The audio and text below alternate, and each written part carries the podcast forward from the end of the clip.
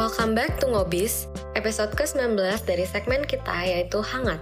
Bersama dengan ambience hangat dan topik-topik hangat yang akan dibicarakan, balik lagi kita akan ngebahas semua berita-berita hangat seputar lokal brand di Indonesia yang terjadi pekan lalu.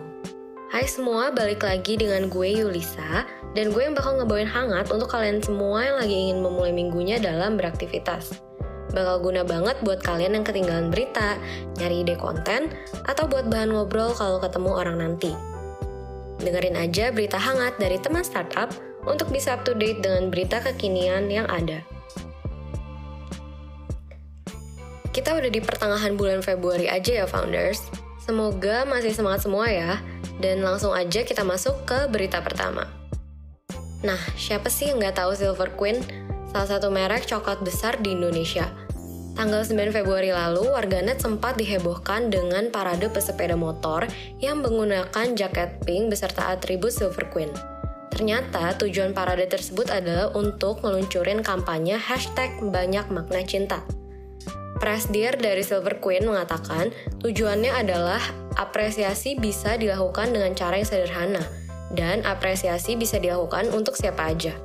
Selain parade banyak makna cinta, ada tiga bus Silver Queen yang diletakkan di beberapa titik sepanjang area Car Free Day di Sudirman, Jakarta pada tanggal 9 Februari 2020.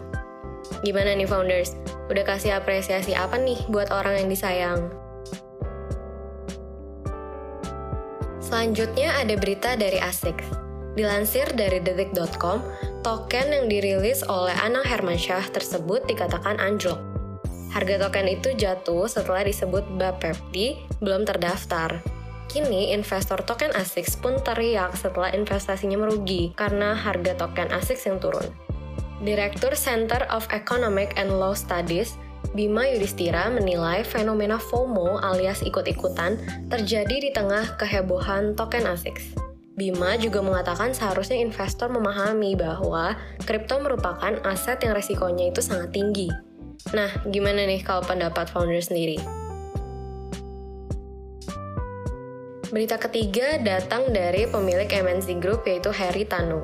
Dilansir dari CNN Indonesia, bisnis maskapai PT Indonesia Transport dan Infrastructure Tbk atau IATA mengubah bidang usahanya ke sektor batubara.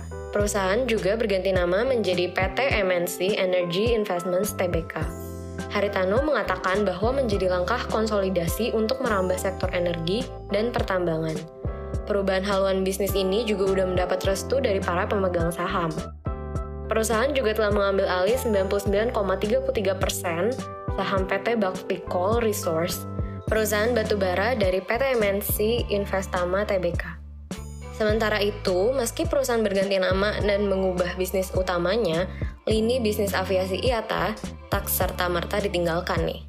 Haritano menegaskan bahwa bisnis penerbangan itu akan dijadikan anak usaha. Berita terakhir datang dari pengrajin batik asal Blitar, Jawa Timur, Yogi Rosdianta, yang mengaku bangga bisa mendapat pesanan menggarap batik tulis untuk pemain NBA Justin Holiday. Dilansir dari media Indonesia, Holiday mendadak menjadi perbincangan di dunia maya setelah pemain Indiana Pacers tersebut memesan batik tulis produksi Blitar. Yogi mengatakan pesanan Holiday ini terbilang gak biasa dari ukuran kain yang dibutuhkan. Ia mengatakan juga bahwa pesanan batik milik Justin Holiday ini dibanderol dengan harga di atas 2 juta. Wah, keren ya. Semoga produk asal Indonesia bisa makin dikenal di pasar internasional ya.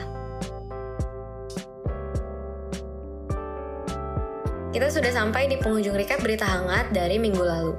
Kalau para founders punya berita-berita hangat lainnya, boleh nih DM kita di Instagram at teman startup untuk diangkat dalam berita hangat minggu depan. Stay tuned for next week's berita hangat. See you soon and stay safe.